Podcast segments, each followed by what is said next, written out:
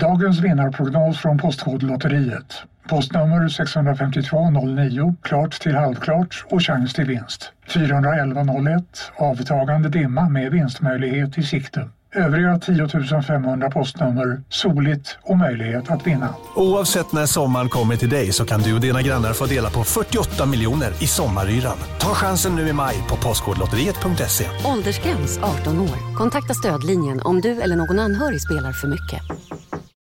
En nyhet. Nu kan du teckna livförsäkring hos Trygg-Hansa. Den ger dina nära ersättning som kan användas på det sätt som hjälper bäst. En försäkring för dig och till de som älskar dig. Läs mer och teckna på trygghansa.se. Trygg Hansa. Trygghet för livet. Hej, Susanne Axel här. När du gör som jag och listar dig på en av Krys vårdcentraler får du en fast läkarkontakt som kan din sjukdomshistoria. Du får träffa erfarna specialister, tillgång till lättakuten och så kan du chatta med vårdpersonalen. Så gör ditt viktigaste val idag, lista dig hos Kry.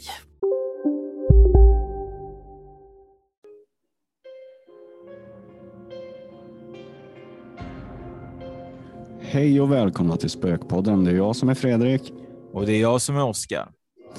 Ja, nu sitter vi här igen Oskar. Mm. På olika platser i olika länder. Ja, verkligen. Och, och det är ju det som är lite, lite dumt ju, för att vi har ju vår fantastiska utrustning och du sitter ju med den, så du låter ju oftast kanske lite bättre än vad vi andra gör. Så att du får flytta hem tillbaka till Sverige tycker jag, Fredrik. Ja, vi får fixa en lokal, eller massa lokaler tror jag, så att vi har en inspelningsstudio i var hamn där vi, när vi träffar våra gäster kanske.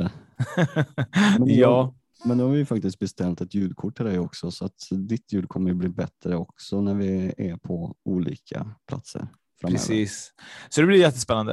Eh, vi har ju haft en eh, jättespännande vecka innan det här. Ju. Jag och du var ju på en eh, så kallad eh, regressionsresa med Anna Ödegard ju, på um, Vegagatan i Göteborg. Ja, vi var ju det. Det var ju otroligt spännande. Varken du eller jag hade gjort något sånt tidigare och det var när vi satt i bilen och åkte ner så blev det ju lite så, "Ah, tänk om man inte får någonting nu, då var vi jättenervös. Eh, ja, och det roliga var typ att jag tyckte att du gick ju jättemycket djupare i din meditation än vad jag kände att jag kunde göra. Jag kände mig lite stressad. Du var ju så jävla bra på det så att jag trodde ibland typ att du var typ i en helt annan värld. Alltså det var ju verkligen så. Du trodde du var hos tandläkaren. Ja, när jag vaknade sen ja. Ja, men jag var verkligen det. Jag kände mig drogad. Jag tyckte, när vi har lyssnat lite på det efteråt, så det låter ju som, eh, som jag har festat i en vecka eller någonting när jag pratar känns det som. Men det roliga var när jag filmade så låg du där och jag, jag sa till dig, du påminner mig lite grann när min farmor var på väg att gå över till andra sidan för att det var ju väldigt litet ju på rum. andra sidan. Ja, det var ju det, men det var ju så här. Det var ju varmt och det var ju liksom så här väldigt varmt där inne. Vi var tre personer eh, och eh, man blev väldigt torr om halsen så att du håller på och fuktar dina läppar som min farmor gjorde precis när vi håller på typ tog lite tops på hennes läppar för att hon behövde lite vätska men ville inte dricka. Och du påminner så mycket om den stunden när eh, du låg där. Jag trodde verkligen att du var på väg att dö. Ja. det var hemskt. Det var en traumatisk upplevelse för dig då att se mig när jag gick, i, gick tillbaka. ja, det gick an. Det gick an. Men det var ju superkul. Vi fick ju reda på helt olika historier om eh, våra tidiga liv Eh, och eh, min var ju lite mer kändes som fiction. Det var ju typ en helt annan planet och du var på jorden och vi fick lära oss lite om oss själva tror jag. Ja, verkligen. Det var ju superspännande. Så, och för er som vill höra och se mer om våra fantastiska resor så kommer ju det släppas på void.tv framöver här. Mm. Om inte så lång stund faktiskt. Nej, det, tanken är väl att det ska släppas runt den 15 december och då är det en eh, film på cirka två timmar och så får man även med ett poddavsnitt där vi pratar lite grann med Anna efter, efteråt. Ju. Mm. Eller? Superspännande. Och det är ju lite, vi har ju en, en trevlig gäst här idag och eh, det påminner ju lite om det här som vi har varit med om så att det passar ju jättebra. Så att vi tar väl och bjuder in eh, Rita här till våran lilla stund. Välkommen Ja, Rita. Förlåt, men innan vi bara, förlåt Fredrik, men det är bara för er som, ni har ju säkert hört Rita Bodenstein tidigare i tidigare avsnitt hos oss också. Så att eh, nu är hon ju tillbaka och det är ju det som är det roliga med Rita, att hon sprutar ut böcker en efter en ju. Så att så nu får du jättegärna prata. Ja, men eh, tack. Det, det, var bland det roligaste jag varit med om eh, när den förra inspelningen och det var så kul och eh, jag satt få höra hur ni småpratar med varandra och sen att um, få berätta om det jag håller på med. Alltså det är verkligen uh, det här med tidigare liv. Det var så att för mig var det så att jag gjorde ju tidigare liv hypnos själv uh, som hypnotisör upplevde det och gjorde det med andra och sen började fundera, ja men vad händer när man inte är i en inkarnation, när man inte är i ett tidigare liv så att säga, var man då? Och då eh, stötte jag på just det här som kallas för life between life eller livet mellan livet hypnos som jag började jag lärde mig att göra sådana sessioner för tio år sedan och nu har jag hållit på i tio år snart och, och, och jag vill inte spotta ut böcker men jag håller på med min tredje men den som kom ut 2021 ska vi prata om idag eh, tänkte vi, eller hur? Stämmer väldigt bra. Ja. För er som inte kommer ihåg riktigt eh, Rita Borenstein, som kanske inte har lyssnat på våra tidigare avsnitt, så är det så att Rita Borenstein är eh, en av de få utbildade hos Michael Newton Institute och det gjorde du 2012 tror jag. Och eh, det finns cirka 200 medlemmar i världen som gör det du gör egentligen med att försöka ta reda på vad händer med själen mellan det här livet och det tidigare livet. Så du brukar ju göra så att man gör en regressionsresa hela vägen tillbaka till vad jag minns då mammas eh, mage och hela den vägen tillbaka till dödsögonblicket i det förra, förra livet och vad händer då i det här tomma intet kan man säga då. Varför kommer man tillbaka till jorden? Eh, just det, för det visar sig att det är inte så mycket tomma intet. Alltså när man, för mina klienter eh, så är det alltid det att en sån här livet mellan livet-resa går via eh, det du sa, det är också barndomen, tiden innan man föds och eh, sedan eh, tidigare liv, och, eller flera tidigare liv också, men att gå till dödsögonblicket i det livet, det är det som gör att det blir som en nära döden-upplevelse, fast en konstruerad sådan. Och det som är så speciellt och banbrytande tycker jag, att, att det, det går att, att, så att säga konstruera det med en trygg eh, hypnotisör vid sin sida. Och eh, sen jag utbildade mig så har jag engagerat mig väldigt mycket i vårt institut som heter Michael Newton Institute. Jag är med i styrelsen och är väldigt delaktig i utbildningen av sådana här terapeuter också. Sen har jag gjort massor, massor med sessioner. Så därför är det så roligt att kunna skriva om det och sprida. Jag är den enda i Sverige fortfarande, men jag hoppas att nu när vi har börjat med onlineutbildningar även i Michael Newton Institute. att fler svenskar ska vilja gå en sån utbildning. Så att jag vill gärna inspirera och berätta mer om det. Men det speciella är just att man kan minnas hur det är att inte vara i kropp, eller hur man nu ska enklast säga det. För då kan man minnas väldigt mycket om sitt livssyfte, var, varför man är här. Många sådana djupare minnen kan man då få tillgång till och det är en sån lång hypnos också, det är tre, fyra timmar. Det ni gjorde Fredrik och, och du Oskar kanske, jag vet inte hur lång tid det var, det går ju inte på tid, men vanligen så kan det vara en eller två timmar. Men det behövs längre tid för att kunna gå så djupt helt mm. enkelt. Mm. Mm, ja.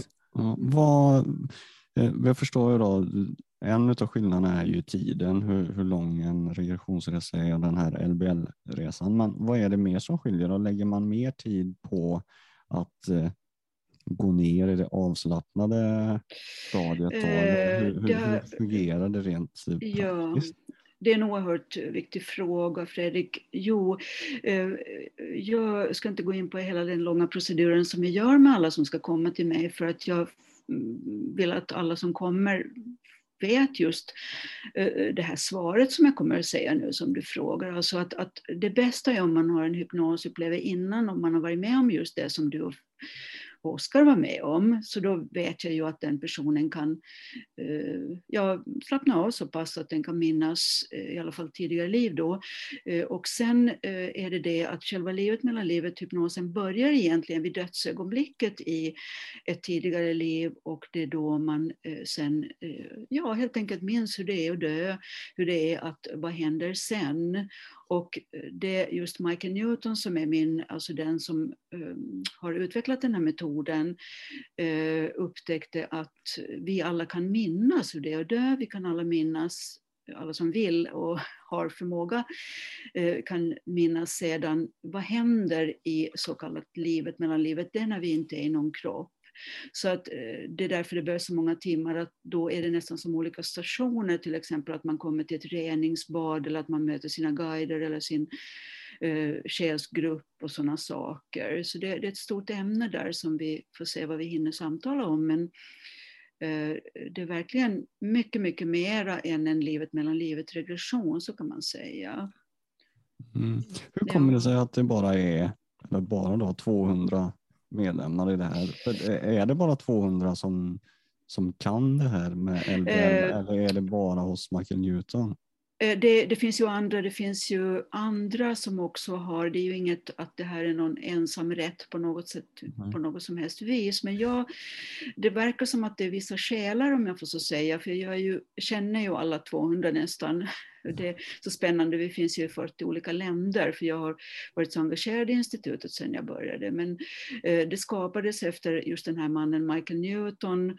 Eh, han, han dog ju här 2016, men han blev väldigt, väldigt känd och han utbildade också väldigt många människor i den här metoden. Så vi har bara inte någon annan i Sverige nu. Och, hur konstigt det än är, fast jag har varit ute och gjort så mycket reklam och, och sådär. Så att jag kan inte svara på den frågan. Jag tror att det är en själslig dragning, och det hör jag på alla de klienter som ringer mig också, att de har läst Michael Newtons böcker, eller numera också kanske några av mina, och så vill de göra en sån här segregation själv. Så det är jättesvårt att svara på frågan. Ja. Jag tänkte gå tillbaka till det här innan vi drar igång med din bok, eh, den nya boken självklart. Men det som folk brukar säga till dig, vad är det som händer mellan det andra dödsögonblicket och det här påbörjan på det här nya livet Mm, som man föds i? Vad brukar de, vad brukar de hamna någonstans? Alltså, vad brukar de säga? Brukar det vara likadant eller är det olika varje gång? Det är olika. Det som man lär sig i utbildningen och som jag är grundutbildad i, det är att ha en väldigt tillit till att varje klients eh, eh, alltså själ eller inre guidning tar dem dit som det, som det känns naturligt. Det får ju aldrig vara skrämmande eller plötsligt eller att jag styr upp det. Det är egentligen grundbulten i hela vår utbildning, att jag får inte vara styrande som att jag vill liksom att, att klienten ska komma dit eller dit. Men den grundläggande metoden handlar om att när klienten har liksom dött i ett tidigare liv, då är det ofta någon guide som kommer och hämtar, eller jag frågar, vet du vägen själv? Väldigt många säger, ännu mera nu faktiskt efter den här tiden med covid, för det verkar som väldigt, väldigt många människor nu minns mer och mer och har liksom fått ännu mer tillgång. Att de säger, jag vet eh, vägen själv, jag har eh, dött så många gånger och jag vet precis så här brukar det gå till och jag eh, har nu bråttom till att möta min själsgrupp eller jag har bråttom till att möta eh, någonting annat som jag... Eh, och det, och det är där jag sen ställer frågorna till klienten som klienten vill att jag ska ställa. Det kan vara till exempel många yngre som kommer nu som frågar vad är syftet med mitt liv? Jag har så många talanger, jag skulle kunna göra lite vad som. Jag är teknisk, jag är jag är intuitiv, jag är liksom så kallade gamla själar och då undrar de eh, vad ska jag göra resten av mitt liv? Det låter som en väldigt stor fråga men de har stora existentiella frågor alla och vi, vi, sättet som vi får reda på dem då är eh, en enorm variation, men det finns en slags grundmönster som vi alla inom institutet märker att det fortfarande är så att eh, man liksom minns hur var det jag hade tänkt med den här nu när jag skulle vara Oscar, skulle jag sitta och intervjua Rita Borenstein. Nej, men det är inte så detaljerat, men i stora svängar ens livs Eh, Eh, alltså vad som är planen och då vill många ta reda på det här som jag håller på som inte ger mig någonting. Ska jag verkligen fortsätta med det? För det verkar som, som jag har hört från väldigt många, att det som man liksom brinner för, det som man älskar, det verkar vara det som är ens livssyfte, inget annat. Så det är inga märkvärdigheter på det sättet att man skulle bli förvånad, utan många tycker bara, aha, okej. Okay som Fredrik är väldigt tekniskt lagd, då kan jag hjälpa många och berätta om sina böcker. Nej, jag vet inte, men det faller sig naturligt så att säga. Det här långt, ju... långt svar, men ändå. Nej, nej, absolut inte. Det är mm. jättespännande. Mm. För det här är ju superintressant. För jag och Oskar, vi har ju pratat mycket om det här med att vad är ens livssyfte och varför är man här nu? Och eh, Eh, många gånger att kunde man inte fått, eh, vi skojade om det någon gång i något avsnitt tror jag, att fastän när man föddes kunde man inte fått en bok på BB då som bebis, att nej, men det här är ditt eh, livssyfte i, den här, i det här livet och det här ska du fundera mer på eller det här, det här ska du, du är ämnad för det här just nu. Och det är superintressant att du säger det att man faktiskt kan få tillgång till den informationen via mm.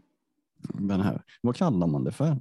Jo, man, man kallar det för, alltså det var ju Michael Newton som är den här mannen som jag eh, ska inte gå in så mycket på honom nu eftersom det tar för mycket tid då, men han eh, kallar det för life between life. Men det är egentligen, många undrar, jaha, between which life? Men det, det är alltså en, en term eller ett eh, varumärke kan man säga också som står just för att när man är i rent själsligt tillstånd, alltså inte i någon inkarnation utan om man tänker att själen är evig och byter kroppar med jämna mellanrum så är det när man inte är i kropp helt enkelt. Mm. Och man kallar det fortfarande för typ en regressionsresa på något vis? Det är ju just det, vi kallar det för, ja just det, det blir ju en sån begreppsförvirring i den här branschen för att många undrar jag håller på att precis göra om min hemsida nu för att förtydliga jättemycket. Vad är en life between life regression egentligen? Och sen kommer man inte så långt i alla fall, för varje blir olika i alla fall. Så det är som med livet att jag, jag kan inte hindra de som är väldigt känsligt utvecklade, de eh, eh, de vill komma liksom verkligen bakom kulisserna och, och, kanske inte få hela den där boken du pratar om för att då det verkar vara en del av planen att man ska själv vart efter den här inre kompassen utvecklad. För jag tror vi skulle bli väldigt uttråkade om vi fick Livets bok direkt, så att säga. Men det är bara som jag tror. Men det är ju en kul grej. Men man har ju, även om man blir så att säga upplyst, som de kallar det för, så får man ju ändå utmaningar och då kanske det är på en annan nivå vad ens utmaningar är. Men nu för tiden tycker jag det är väldigt viktigt att ha en inre kompass, speciellt när det är så oroligt i världen, att man har kontakt med sitt inre och varför är jag här? Det är liksom mer och mer viktigt, skulle jag säga. Du hade ju skrivit då, för er som vill veta mer lite grann hur det här funkar, så har du skrivit din första bok då som var på engelska och du skriver nu på svenska som heter Själens resa hem. Yeah. Eh, och den finns ju självklart att köpa om man vill veta lite mer om det här tidigare. Men nu är det så, nu har du köpt en ny bok och den heter så mycket som Min själ är en diamant, låt mitt sanna jag lysa.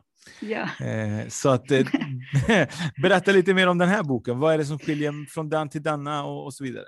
Eh, den, den, handlar fortfarande ju om livet mellan livet, eller life between life hypnos. Eh, det var bara det att mellan den första boken, den första boken tog fem år att skriva, och den här skrev jag bara på ett år och gav ut den också på engelska inom samma år. Den finns också på engelska. My Soul is a Diamond heter den, överraskande. Ja, men i alla fall så, och då, och då är det där alltså, eh, skiljer den sig med klientfall, det, jag har igen lite egotrippat tagit ut min egen eh, livet mellan livet regression, för jag vill gärna visa genom exempel, så att jag åkte till Tyskland här eh, 2020, eller 2019 var det väl innan covid, och eh, gjorde en eh, väldigt djuplodad regression därför att jag hade börjat få ångest plötsligt, vilket jag aldrig hade haft innan. Jag visste inte ens vad det var. Jag trodde att jag hade fått hjärt, hjärtinfarkt typ eller någonting så här. Men jag fick väldigt Eh, mycket konstiga symptom som jag ju hör många får ibland och man blir jätterädd och, och så vidare. Och då åkte jag till min kollega i Tyskland, hon är också läkare och psykoterapeut och eh, gör sådana här regressioner i Tyskland. Och då eh, har jag i den här fallbeskrivningen med mig själv då pratat mycket om att det här med att läka sig i hjärtat, att det kan vara väldigt skrämmande också, för vi alla säger så här, var i hjärtat och möt dig själv i hjärtat och så vidare. Och så vidare. Men det kan vara väldigt mycket rädslor som kommer upp och där då belyser jag genom det exemplet där. Sen det andra exemplet Terry Evans som är ganska känt medium i Sverige, har varit. Eh, han gjorde en regression och jag beskriver den sessionen och sen en ung kvinna från Indien som Ja, det kanske är irrelevant att hon kommer från Indien, men hon är forskare och eh, ville ta reda på varf, hur hon skulle hantera med sin familj, för att hon hade, de hade problematiskt i familjen eh, baserat på det här, det här systemet de har i Indien, vad kvinnor får göra och inte får göra och sådär. Så det är de fallbeskrivningarna och sen har jag broderat ut det lite runt omkring där eh, precis som jag gjorde min första bok. Men den här handlar mer om att komma ut som själ, som jag kallar det för. Och, det, och det, med det menar jag att jag har ju snott lite det uttrycket komma ut, men jag tror att det är en tid nu att det spelar ingen roll om vi är man eller kvinna, utan vi kommer ut som själar och ska samarbeta män och kvinnor. Det är liksom min grej. Och det här med diamant, vi är ju alla diamanter mer eller mindre slipade, så att det är inte att vara egotrippad eller någonting, utan, utan det uttrycket diamant bara fick jag för mig att jag skulle ta för att alla slipar på sina facetter, liksom det, för att försöka bli en bättre person. Ja. Du har ju även gjort en sektion med Terry Evans i boken också, om jag förstod det rätt. Ja, ja just det. Precis, det är det det handlar om bara. Ja. Ja. Sen är det lite brev han har skrivit och att jag blev förvånad faktiskt, för under, på den tiden hade jag samarbete med Terry när han hade sin, sin stora center. Eh, eh, och eh, då råkade det sig bara så att jag var där och jobbade och sen blev det bara så att vi pratade lite och så frågade jag, är du intresserad? Och han var det och det tänkte jag att ska en sån klärvoajant person ha någon nytta av en sån här session? Men visade sig att han hade det, sa han själv, och han har skrivit mycket i sina bloggar om det också då när det begav sig. Så att han, eh, ja, fast man är väldigt klärvoajant, många som kommer till mig kan jobba som medium eller är klärvoajanta, men de kan ändå inte få tillgång till sitt eget så lätt. Så Nej, det, ja. det är väl någonting just med det där eh, med medium att det, för, för dem är det väl mycket lättare att få kontakt med andras guider och, och vägledare och vägleda andra. Det är alltid så när man kommer till en själv oavsett egentligen mm. vad det är. Om man ger, ger råd till någon kompis eller man har fastnat i någonting så är det alltid ja, lättare att stå vi. på utsidan och, ja. och se och ge råd till någon annan.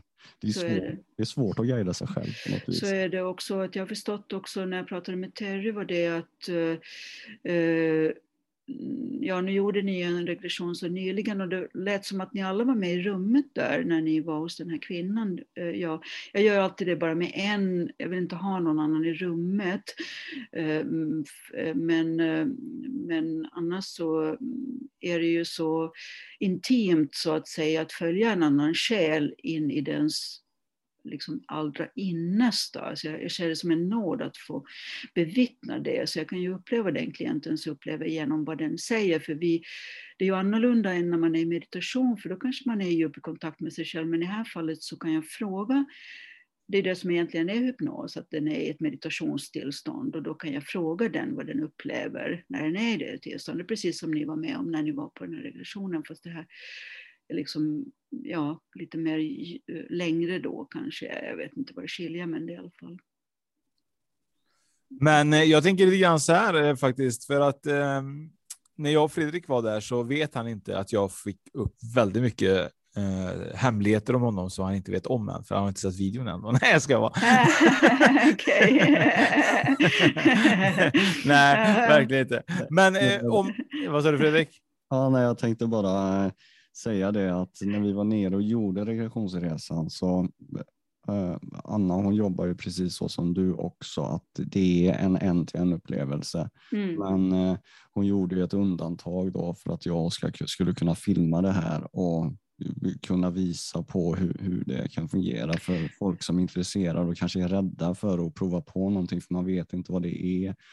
Och vi pratar också en del om det här att tänk om man är så borta så att man inte vet någonting. Det, det, det första som ploppade upp i mitt huvud var ju det att när man ser hypnos på tv där man eh, hoppar som en eh, som en kanin?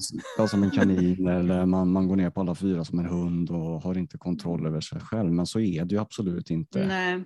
Nej, just det. Det där är, ligger djupt i folksjälen. Jag har uh, ju varit ute och hållit föredrag de här tio åren och det, det är ju, finns rädslor, till exempel tänk om jag fastnar eller tänk om jag lite och datten. Alltså scenhypnos är förbjudet i Sverige men en del har ju sett det ändå men jag kan inte förstå varför man skulle använda en sån fantastisk möjlighet till lite så fjantigt kanske om man får så säga men, men det är väl att folk tycker det är kul eller någonting men uh, för min del så är det ju ett sånt djupt möte så att eh, det, men jag kan, om vid speciella tillfällen också om det ska filmas eller sådär.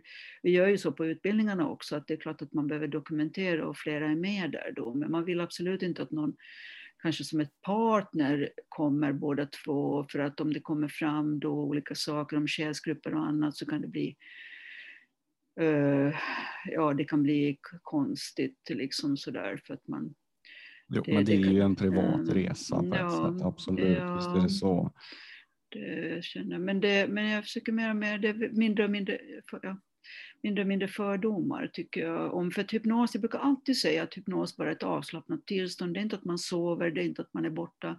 Och det är graden av koncentration. Alltså, när jag har jobbat med en del kirurger och, och sådana där som är vana att vara väldigt djupt koncentrerade länge på problemlösning. De är jättekul att jobba med hypnos, för de verkar inte, de behöver inte gå på toa heller någonting, utan de, de opererar en ortopedkirurg som var här nyligen och hon frågade hur kunde du hålla dig så länge? Men jag är van när sätter igång och opererar så kan det ta 6-7 timmar liksom innan jag får gå på toa. Så fått en festblåsa. ja. ja, just det. Men man kan gå på toaletten under den här hypnosen kan man säga bara jag behöver gå på toa. För det är faktiskt en vanlig fråga folk har, att kan jag gå på toa liksom? Ja, men vi kan ju ja. faktiskt göra så faktiskt Fredrika. Vi kan egentligen skapa faktiskt regressionsblöja faktiskt. ja, det blir nästa försäljningsargument. ja, men man kan, vill inte, min dotter sa, jag jobbar ju som sjuksköterska förut, man säger kateter, usch det är hemskt den där slangen man kan ha om man inte kan kissa, men hon kallar det för kateder, vet ni vad kateder är? Ja, ja, ja, usch, det är inget man ska skämta om, men i alla fall, det, det, går att lösa allting. Man vill ju inte att en som är i hypnos ska behöva liksom lida på något som helst vis, att den ska vara törstig eller frysa, eller, för då kommer man upp ur hypnosen automatiskt, för då säger ju kroppen, nu, nu räcker det här, nu vill jag så att allt som är behagligt och allt som är varmt och göttigt och mysigt och så vidare, så vidare det gör att man har lätt att slappna av. Jag tänker lite grann så här att jag märkte att jag höll på, min skuldra hade fastnat. Den brukar fastna nu för tiden och eh, du är ju osteopat också bland annat ju. Eh, jobbar med, du är utbildad osteopat och Fredrik frågade mig förut om de höll på med synen. Jag bara nej, det är sådana som trycker på punkter oftast på kroppen. Eh, och eh, jag får nog personligen säga att jag har varit, varit eh, jag har haft mycket problem med, med, med, med nacken genom åren och så vidare. Och jag gick till en kille som är osteopat i Trollhättan och eh, han gjorde mirakel för mig och många andra jag känner som jag har skickat dit under åren. Eh, tyvärr är det så att det anses ju inte vara ehm, alltså oftast brukar ju inte sjukvården skicka det till en osteopat, oftast är det kanske naprapater, eller kiropraktor och så vidare.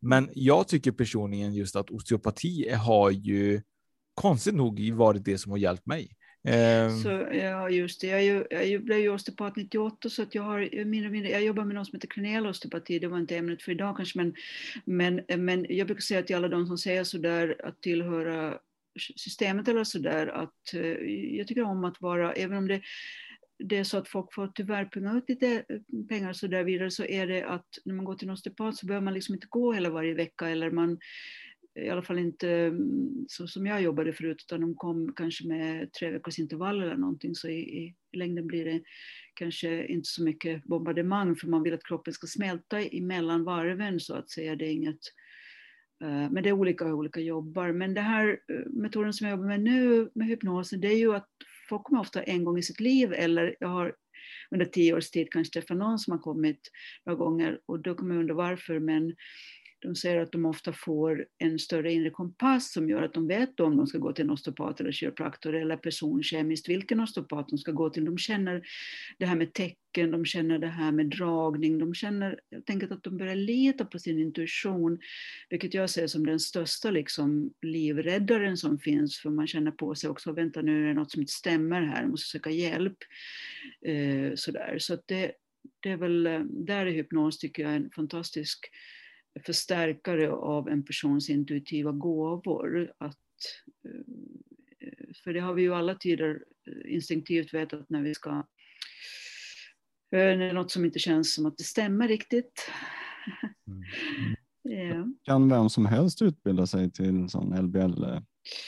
Vi har nu, jag är så involverad i utbildningen så jag vet ju exakt vad det är som krävs. Vi har en eh, hemsida som heter Michael Newton, eller nej, förlåt, Newton Institute www.org och vi kan dela den länken sen. Och vi har börjat med onlineutbildningar för vi tvingades till det eh, i och med covid och vi har Facebook, en Facebook-sida där vi har, lägger ut intressanta saker. Vi har eh, många saker, men just på hemsidan så kan man se att man behöver ha jobbat med hypnos i alla fall i två års tid. Det är inte så långt, men man behöver ha jobbat med regressioner och sen så väl, handplockar vi folk lite sådär också. Vi vill ha människor som kanske det är liksom en sån här non-profit organisation som det heter. Och det är klart vi tar betalt för våra sessioner men vi vill inte ha några som kör några sensationsgrejer eller jag ska liksom säga att det här är det enda mm, eller någonting sådär. Utan, utan det är väl kanske därför vi är så få också för att vi alla väldigt sådär mm, på något sätt lite knäppa att vi är, är, är, så passionerade. Så att jag ägnar liksom hela mitt liv, klart jag har lite privatliv också, men jag, jag, jag är volontär i organisationen så att jag, allt jag gör får jag inget betalt för och eh, det är inget att skryta med men det säger väl en del om mitt intresse.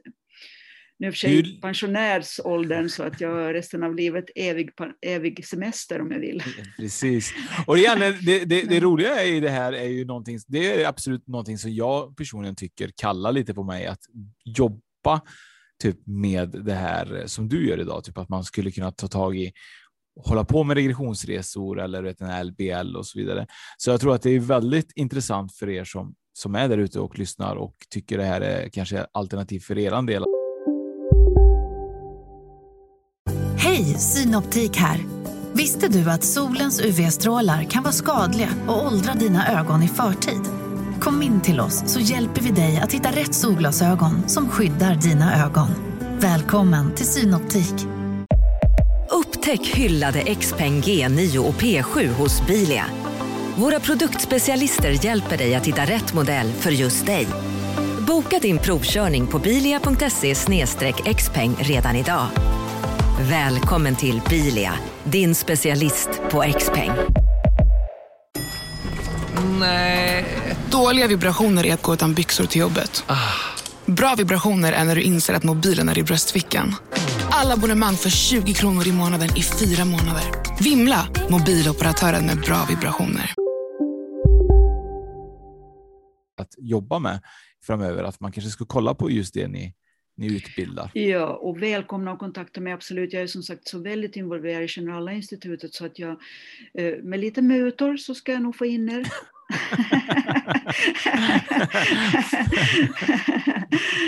Ja. Hur lång är utbildningen då? Och är den på engelska? Eller på Nej, just det. Det är ju, det är ju alltså, nu, hade, nu var jag precis med i den första onlineutbildningen som vi hade. Vi har haft en nu på um, uh, engelska och en på mandarin faktiskt. Så att nu kommer det bli 12 eh, personer i Kina och Malaysia som kommer kunna göra sessionerna på sitt, sitt språk.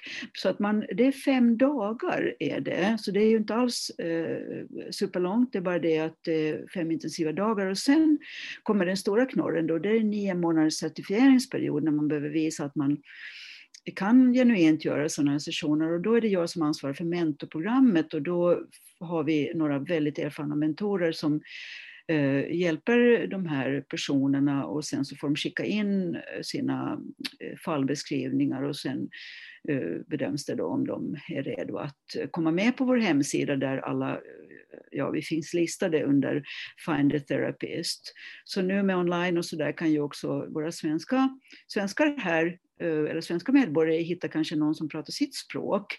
Man kan söka på språk på land och så vidare. Så nu har det öppnat helt nya möjligheter. Jag gör en del sessioner nu också med folk i andra länder. Eh, mm. som, ja. Så Fredrik, du kan flytta hem till Rita i nio månader nu och så kan du komma tillbaka Absolut. och göra regressionsresor sen på, på seans online. Ju. Välkomna ja, grabbar, välkomna grabbar. Det hade varit eh, superintressant. Ja, men, eh, faktum att det är några nu som, jag har, som har varit här och gjort regressioner som vill eh, vi har sponsrar dem, eh, inte sponsrar jag inte, men jag stöttar dem i, i hur de ska, så några har inte heller gått hypnosutbildning, men det gör de nu. Så då kan man ta en hypnosutbildning i Sverige eller hos någon av, det finns medlemmar i Michael Newton Institute som, som förbereder folk också med, då behöver man gå en tidigare livutbildning helt enkelt. Och sen öva, öva, öva, sen så kan man kvala in för att söka. Det skulle vara jättekul att få svenska kollegor tycker jag. Mm, vad säger du Fredrik? Är vi, är vi peppade och klara för den här uppgiften tror du framöver? Ja, men det är ju bara att signa upp sig på en hypnoskurs nu då. Eller kurs, Just det, vi behöver ju framtiden. handlar det väl såklart. Och sen eh, får vi besöka Rita och, och lära oss mer. Det hade varit oerhört intressant och spännande. Precis, nu får inte jag lära ut det, det kanske blir lite miss där, utan jag kan bara, för vi har bara vissa som är utvalda att få lära ut eftersom det här är liksom ett slags, ehm, det är inte för att det ska vara märkvärdigt utan vi vill liksom hålla det i den här andan som vi har hållit det hela tiden. Så det, men däremot kan jag ju vara en stor rådgivare och så under resans gång, absolut. Jag tänker lite Rita, om vi går tillbaka till boken då, det här med, eh, är det, finns det någonting i den här boken som är lärosamt eller lärorikt eller någonting man kan få med sig som eh, privatperson om man läser boken? Eller handlar det bara mest om just bara det som hände Terry Evans och den här indiska eh, kvinnan Ketki?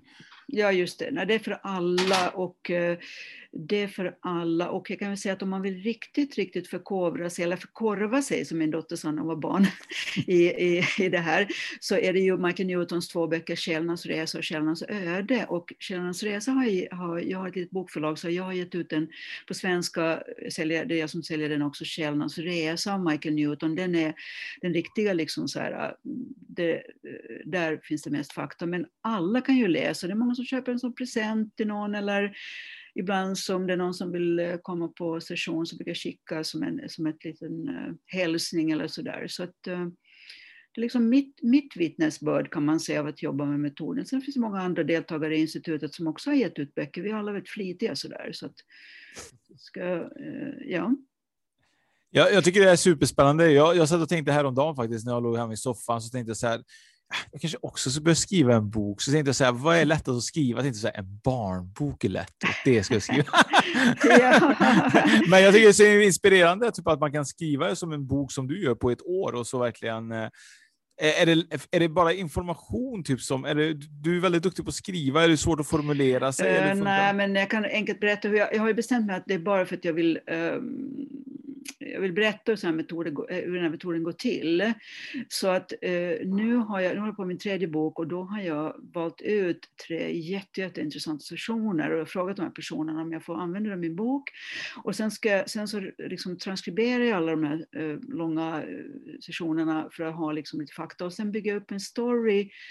Eh, jag har redan titeln, den ska heta Reningsbad för själen, nästa bok, det kan jag avslöja redan. Och den Vad sa du att den heter? Den ska heta Reningsbad för själen. Och det är tre kvinnor i det här fallet, som jag ska inte avslöja exakt vad det handlar om, men det handlar om att alla kan alltså mm, följa sin intuition och på så vis, eh, när det känns tufft så här och man undrar vad Fabian ska jag hitta på här nu och allting så där, så kan man få en slags tröst. Och det är som en tröstebok, det kan man väl säga, den här nya nu då. Jag eh, vet ju också att eh, du gör ju mycket annat också. Du vill ju verkligen också förespråka lite grann för eh, o, så här, eh, vet det? Ehm, Eh, ohälsosam hälsa ju lite grann så att det, det, det ja men man, äh, vad heter det? det vad heter det? Att man är ohälsosam, vad heter det? Typ att du, du, det är verkligen mycket i samhället just nu som folk mår dåligt av och, och du vill ju någonstans också liksom hjälpa till och bryta det här mönstret också och ni är ju flera stycken ju som vill göra detta. Ehm, du får gärna berätta lite grann vad er vision är och er tanke. Just det, jag, har, jag, har, jag jobbar ju som en liksom, ensam fräsare eller vad ska jag säga, men, eh, men jag har ju mycket vänner och så, men vad jag hör hos väldigt många är ju att Uh, det kanske är en förenkling, men uh, när det blir så förvirrat, liksom, vad ska jag lyssna på, det eller det eller det, det är väl många specialister och vi har ju sett det nu under den här tiden, att, att det, vem ska lyssna på egentligen? Och all information som kommer är att det, det, kan det vara, men det är väldigt osäkert. Det kan det vara, men det är väldigt osäkert. Det skapar väldigt mycket ångest och rädslor och så. Jag ska inte dra någon statistik nu, men jag har kompisar som jobbar inom psykiatrin och som säger att det är ju alltså över 50 procent i stort sett som är sjukskrivna på grund av psykisk ohälsa. Och då tänker jag, vad kan jag bidra till eh, med min lilla låda här liksom. Och då är det mycket ledare som kommer till mig, sådana som leder andra och som, då tänker jag som att det blir som en dominoeffekt, att om jag kan hjälpa någon som är eh, läkare eller chef någonstans eller det är mycket sjuksköterskor, socionomer och sådana, att liksom hitta sin kompass, då kan de sen sprida det vidare, så det blir så här ringa på vattnet. Så det är lite, jag eh, tycker om symbolik, men det är att det liksom blir... Ingen kan göra allt, men alla kan göra någonting tillsammans. Så, där. så att det, det är liksom det. Så jag, men jag är väldigt mån om att jag ska göra det som känns meningsfullt för mig.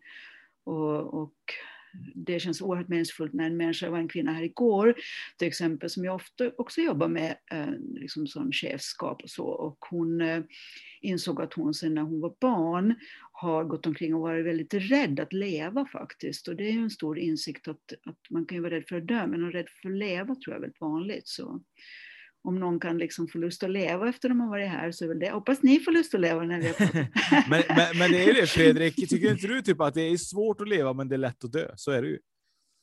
Ja, jo, det... Eller är det lätt att dö egentligen? Eh, jag har jobbat på hospice som sjuksköterska. Det är ett ställe dit man kommer när man uh, inte har så lång tid kvar. Och, uh, jag tror aldrig träffat så många fridfulla människor som där. Men det är ju allt det som är runt omkring och läskigt med sjukdom och sånt. Så att, så att, men jag har mer och mer kollegor inom Michael Newton Institute också som hjälper folk att dö faktiskt. Det låter kanske lite konstigt att säga så, men det är som att man hjälper en människa i, och anhöriga i den här övergången. Jag, tror inte, jag vet inte om vi har så många sådana i Sverige ännu, men kanske någon som hör det här kanske mm. kan höra av sig till Oskar och Fredrik och berätta om det. Det, mm. det, det, är en fin sak. Men det, du, ja, nej, men det är väl lite för att återgå till Oskars fråga där då. Det var bara mm. retoriskt så slängde jag ut det. Men det är klart mm. att det är ju eh, att, att, att jag har ju ingen dödsångest eller är rädd för att dö. Men mm. Många kanske är det. Både jag och Oskar, nu har vi hållit på med podden ihop i, i, ett år och vi har ju olika erfarenheter tidigare såklart. Och eh, ju mer eh, sådana här eh, personer som vi träffar, som till exempel dig Rita och andra som vi har mött, mött i poddsammanhang och sådär, så, så får man ju en, en insikt om att det är inte slut, utan det är ett kretslopp på något vis. Det går runt och eh, eh, jag vet inte om jag tänkte så här för, för några år sedan, men, men idag så känner jag det att eh, vi har pratat om det tidigare också, att allting är energier och energier tar inte slut, det ändrar form och sådär. Mm. Det, jag tror att det har hjälpt mig lite grann att känna att det, nej, när den dagen kommer, ja, då kommer den. Ja, ja det, det, det, är fint att höra dig prata Fredrik, för jag hör ju yngre och yngre personer eh, som pratar på det sättet och det gör inte att man blir självmordsbenägen, tvärtom.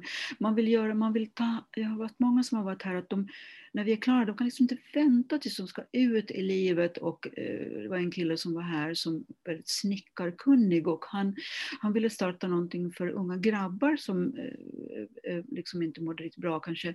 Att, att snickra ihop, det är inte att behöva sitta och prata om livet utan att alla då hittar sin uttrycksform för att eh, känna att eh, livet är värt att leva. Och det, det är just de där åren Mm, jag såg just nu det där framträdandet på Avicii Arena, det var så mycket ungdomar där och som eh, lyste bara att de fick vara där och lyssna på musik och eh, alltså just det här att komma samman och eh, känna hopp, det är liksom tidens melodi tror jag, att mm. peppa varandra. Och om det kan peppa någon att eh, det finns eh, en möjlighet att...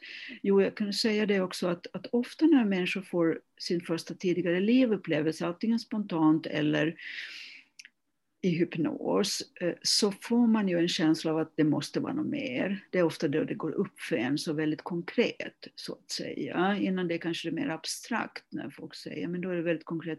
Speciellt om det är som en autentisk upplevelse att men vänta nu, nu upplever jag mig själv som någon annan än Fredrik eller Oskar till exempel. Så, här. så att, eh, det är väldigt viktigt att få en egen upplevelse, säger jag alltid. Att, att man kan ju gå till ett medium och det är ju fantastiskt också, men då får man det höra det, men all hypnos bygger ju på självupplevt, vilket jag tror kan stärka vissa aspekter.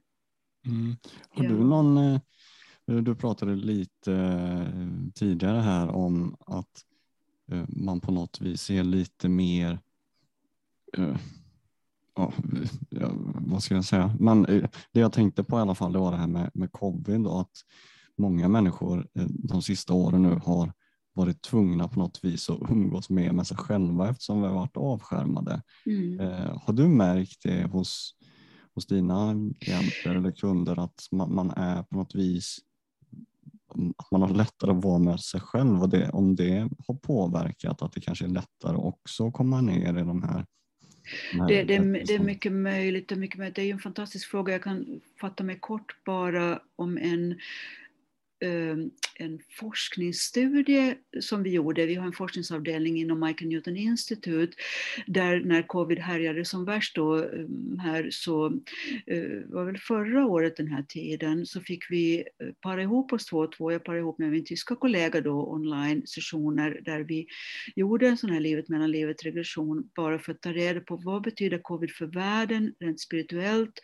för eh, vår organisation och för oss själva då. Jag kunde fråga för, för mig och hon för sig. Och sen sammanställdes det där och det var ju att det, den största anledningen var att folk kände att det är ett stort uppvaknande och att det är mm, det här med isolationen och lockdown och allt det där blev ju en ofrivillig retreat eh, med mycket lidande naturligtvis också men också eh, att vi har märkt en stort, mycket större inflöde av klienter. Jag har märkt det här i Sverige i och med att jag kunde börja göra online. Jag gör lika mycket online, eller nästan mer online sessioner nu än att folk kommer hit. Folk som vill komma hit kan komma hit, men jag gör helst online för att det skapas ett en mycket större möjlighet när folk är kvar i sitt hem och efter sessionen direkt bara kan ta en tupplur eller liksom, ja, ta något att käka och sådär.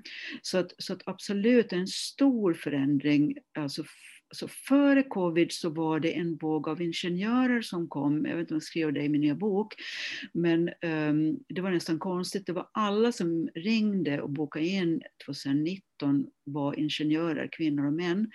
Och det gjorde jag faktiskt en regression med en ingenjör för att fråga anledningen och då Eh, vad kom svaret från den personen i djuphypnos? Att det är ett starkt uppvaknande nu bland folk som är primärt logiskt lagda. Att de har intuition också, för annars kan de inte vara så skickliga på elektronik till exempel eller, eller matematik, för de har ofta eh, både också att säga och de är nu intresserade av att också möta sin själ så här. Så så att det är oerhört intressant det här med covid, vad det gjort och det är också hemskt att så många har behövt lida naturligtvis, det kan man inte komma ifrån. Men en ökning av andlighet, absolut, absolut är det. Mm.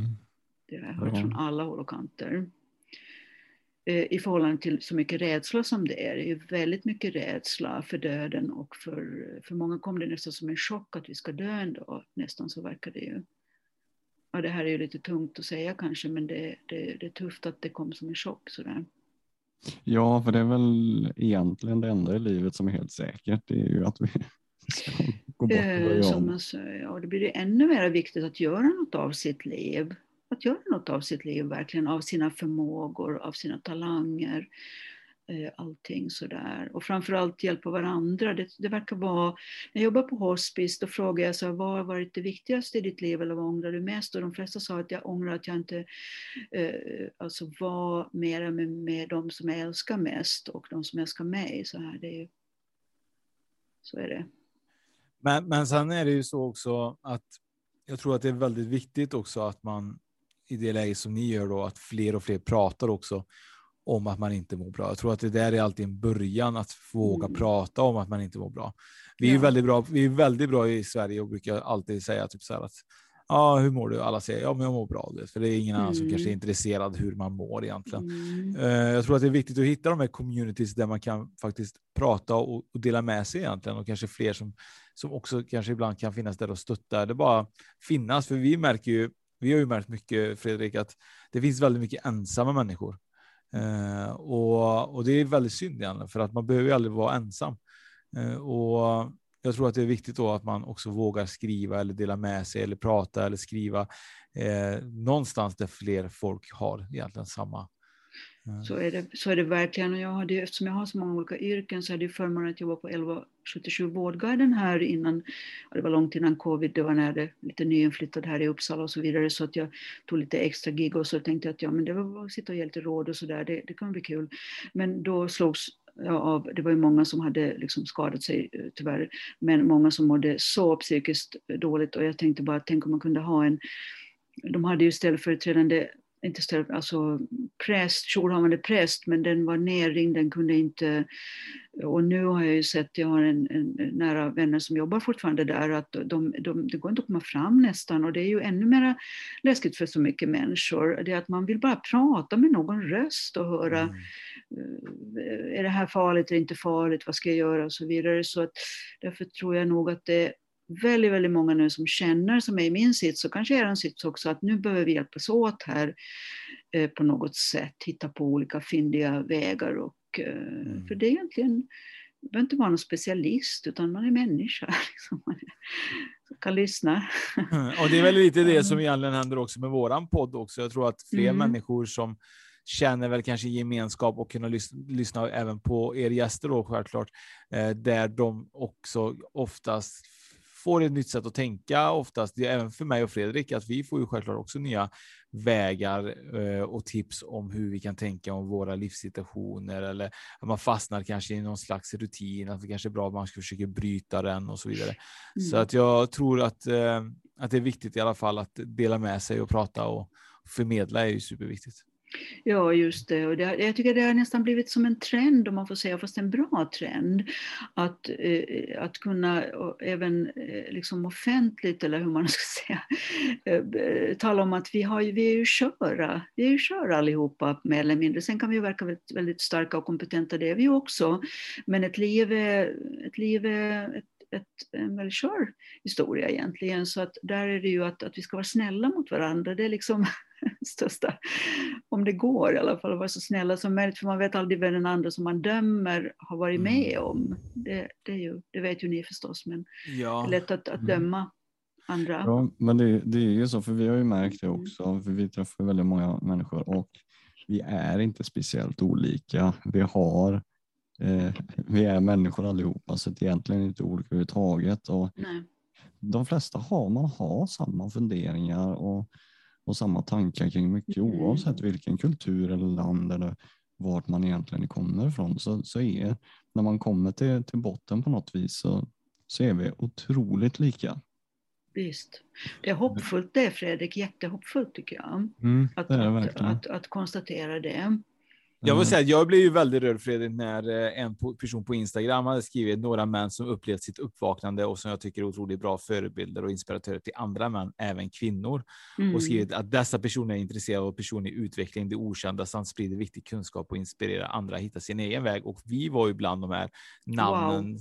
Ja. Eh, och, och, för mig när, när någon skriver sånt och taggar oss på Instagram och så vidare, det, jag blir faktiskt väldigt, jag blir väldigt berörd. Jag blir så mm. att jag vet att vissa av de här namnen som finns med då, som eh, Mikael Oddane och många andra namn här, eh, är ju stora namn för många i samhället och att man får ta del av att den här personen tycker likadant, att vi är en del av det, blir så här wow, vilket egentligen shit var att att vi berör, det är, det är så viktigt. Mm. Alltså. Det är så kul. Ja, just det. Det, det, det, det, är mod, det är mod egentligen. Jag älskar det italienska uttrycket coraggio. Det, jag tycker det låter så fint.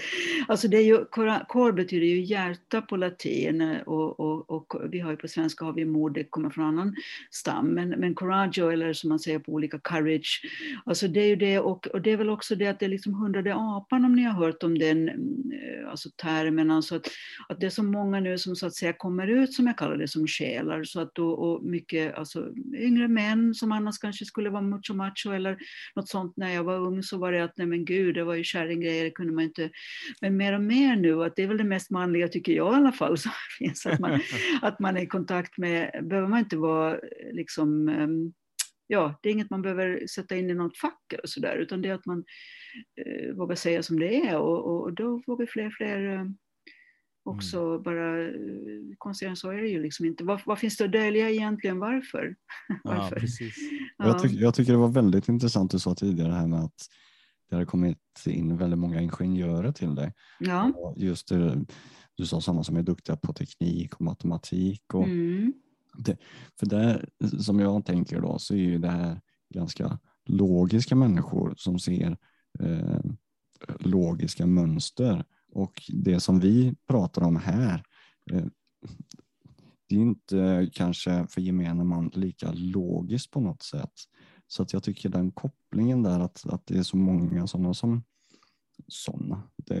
ja, ja, just den det, typen av personer som faktiskt också börjar bli intresserade. Och det är lite som, som Oskar sa där, att när, när, när, när vi nämns, alltså vi sitter, nu sitter vi alla tre på olika platser Mm. i, i Sverige, jag är ju till och med utomlands, men att man samlas och pratar och att det faktiskt når ut, att folk lyssnar på oss. För nu känns det ju som att det är vi tre som sitter där och pratar, men om ett par veckor så är det flera tusen som har lyssnat på det här. Och det, Så är det. Så det är det. häftigt, är det. Men något som jag tänkte väldigt mycket på när de här, jag har några goda vänner i den här ingenjörsskaran och, och det eh, men som diskuterar det lite grann, men eh, men Einstein och väldigt många av, av, av de här som upptäckte stora saker, eh, så att säga omvälvande saker, också penicillinet till exempel, den här Fleming och sådär, alltså det var ju, de fick ju en, en uppen, jag ska säga uppenbarelse, de fick en sån här epiphany säger man på engelska, alltså en, eh, så att, så att eh, Förnim, att det är ju- förnimmelse, vad heter det va?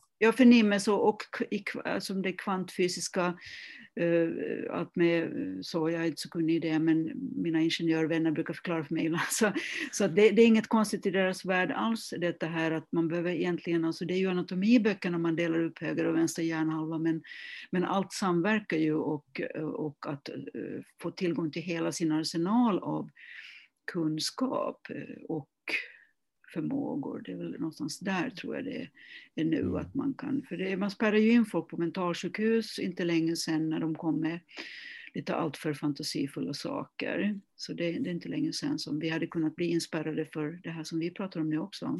Ja, självklart.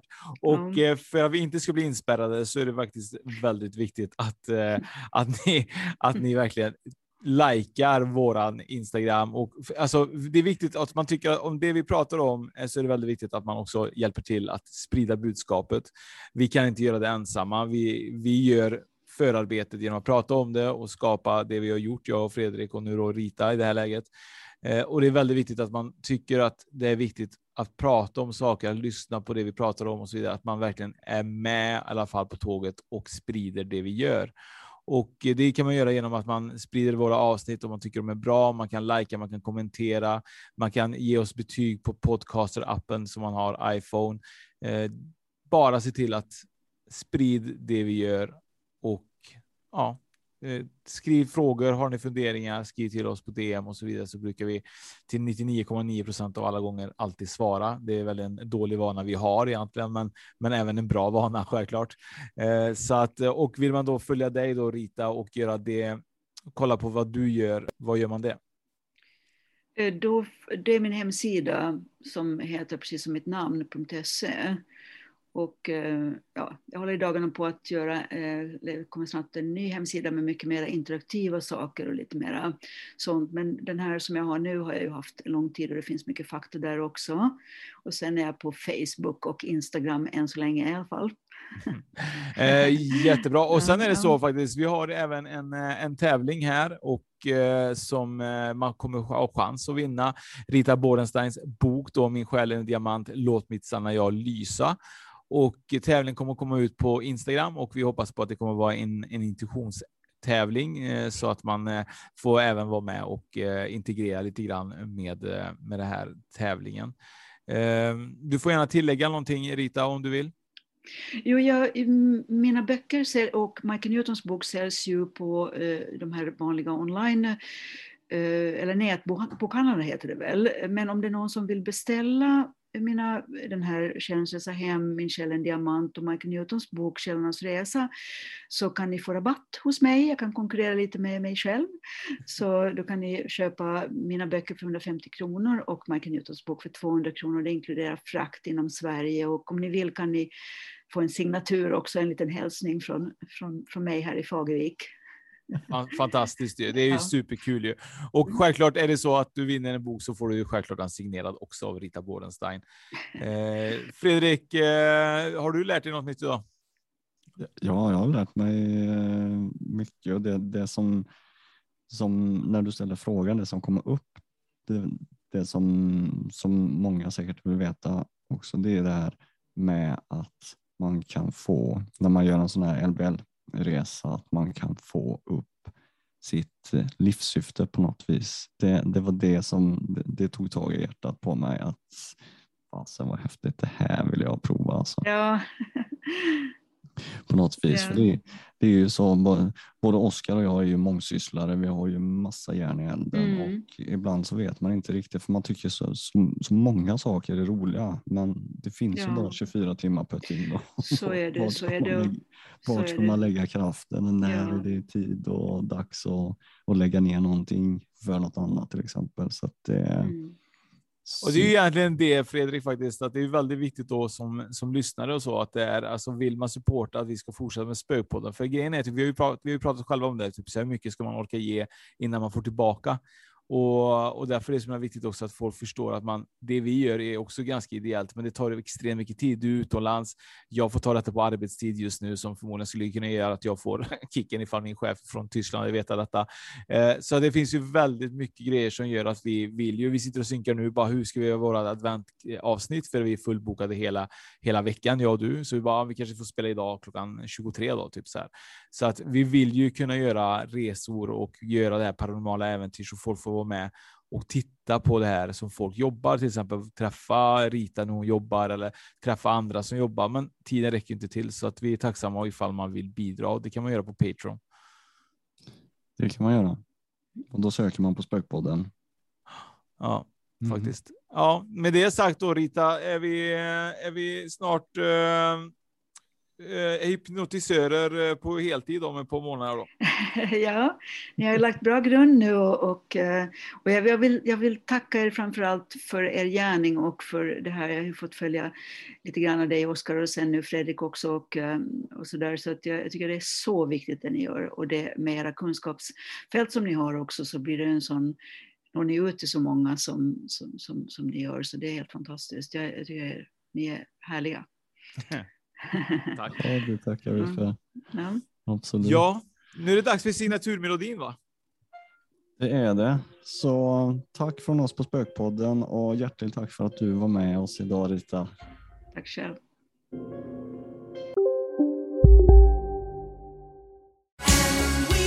Just nu till alla hemmafixare som gillar julast låga priser. En slangvinda från Gardena på 20 meter för vattentäta 499 kronor. Inget kan stoppa dig nu. Ja, Hallå? Pizzeria Grandiosa? Jag vill ha en Grandiosa capriciosa och en pepperoni. något mer? Med kaffefilter. Ja, Okej, ses samma. Grandiosa, hela Sveriges hempizza. Den med mycket på. Välkommen till Unionen. Jo, jag undrar hur många semesterdagar jag har som projektanställd och vad gör jag om jag inte får något semestertillägg? Påverkar det inkomstförsäkringen? För jag har blivit varslad, till skillnad från min kollega som ofta kör härskarteknik på möten och dessutom har högre lön trots samma tjänst. Vad gör jag nu? Okej, vi tar det från början. Jobbigt på jobbet. Som medlem i Unionen kan du alltid prata med våra rådgivare.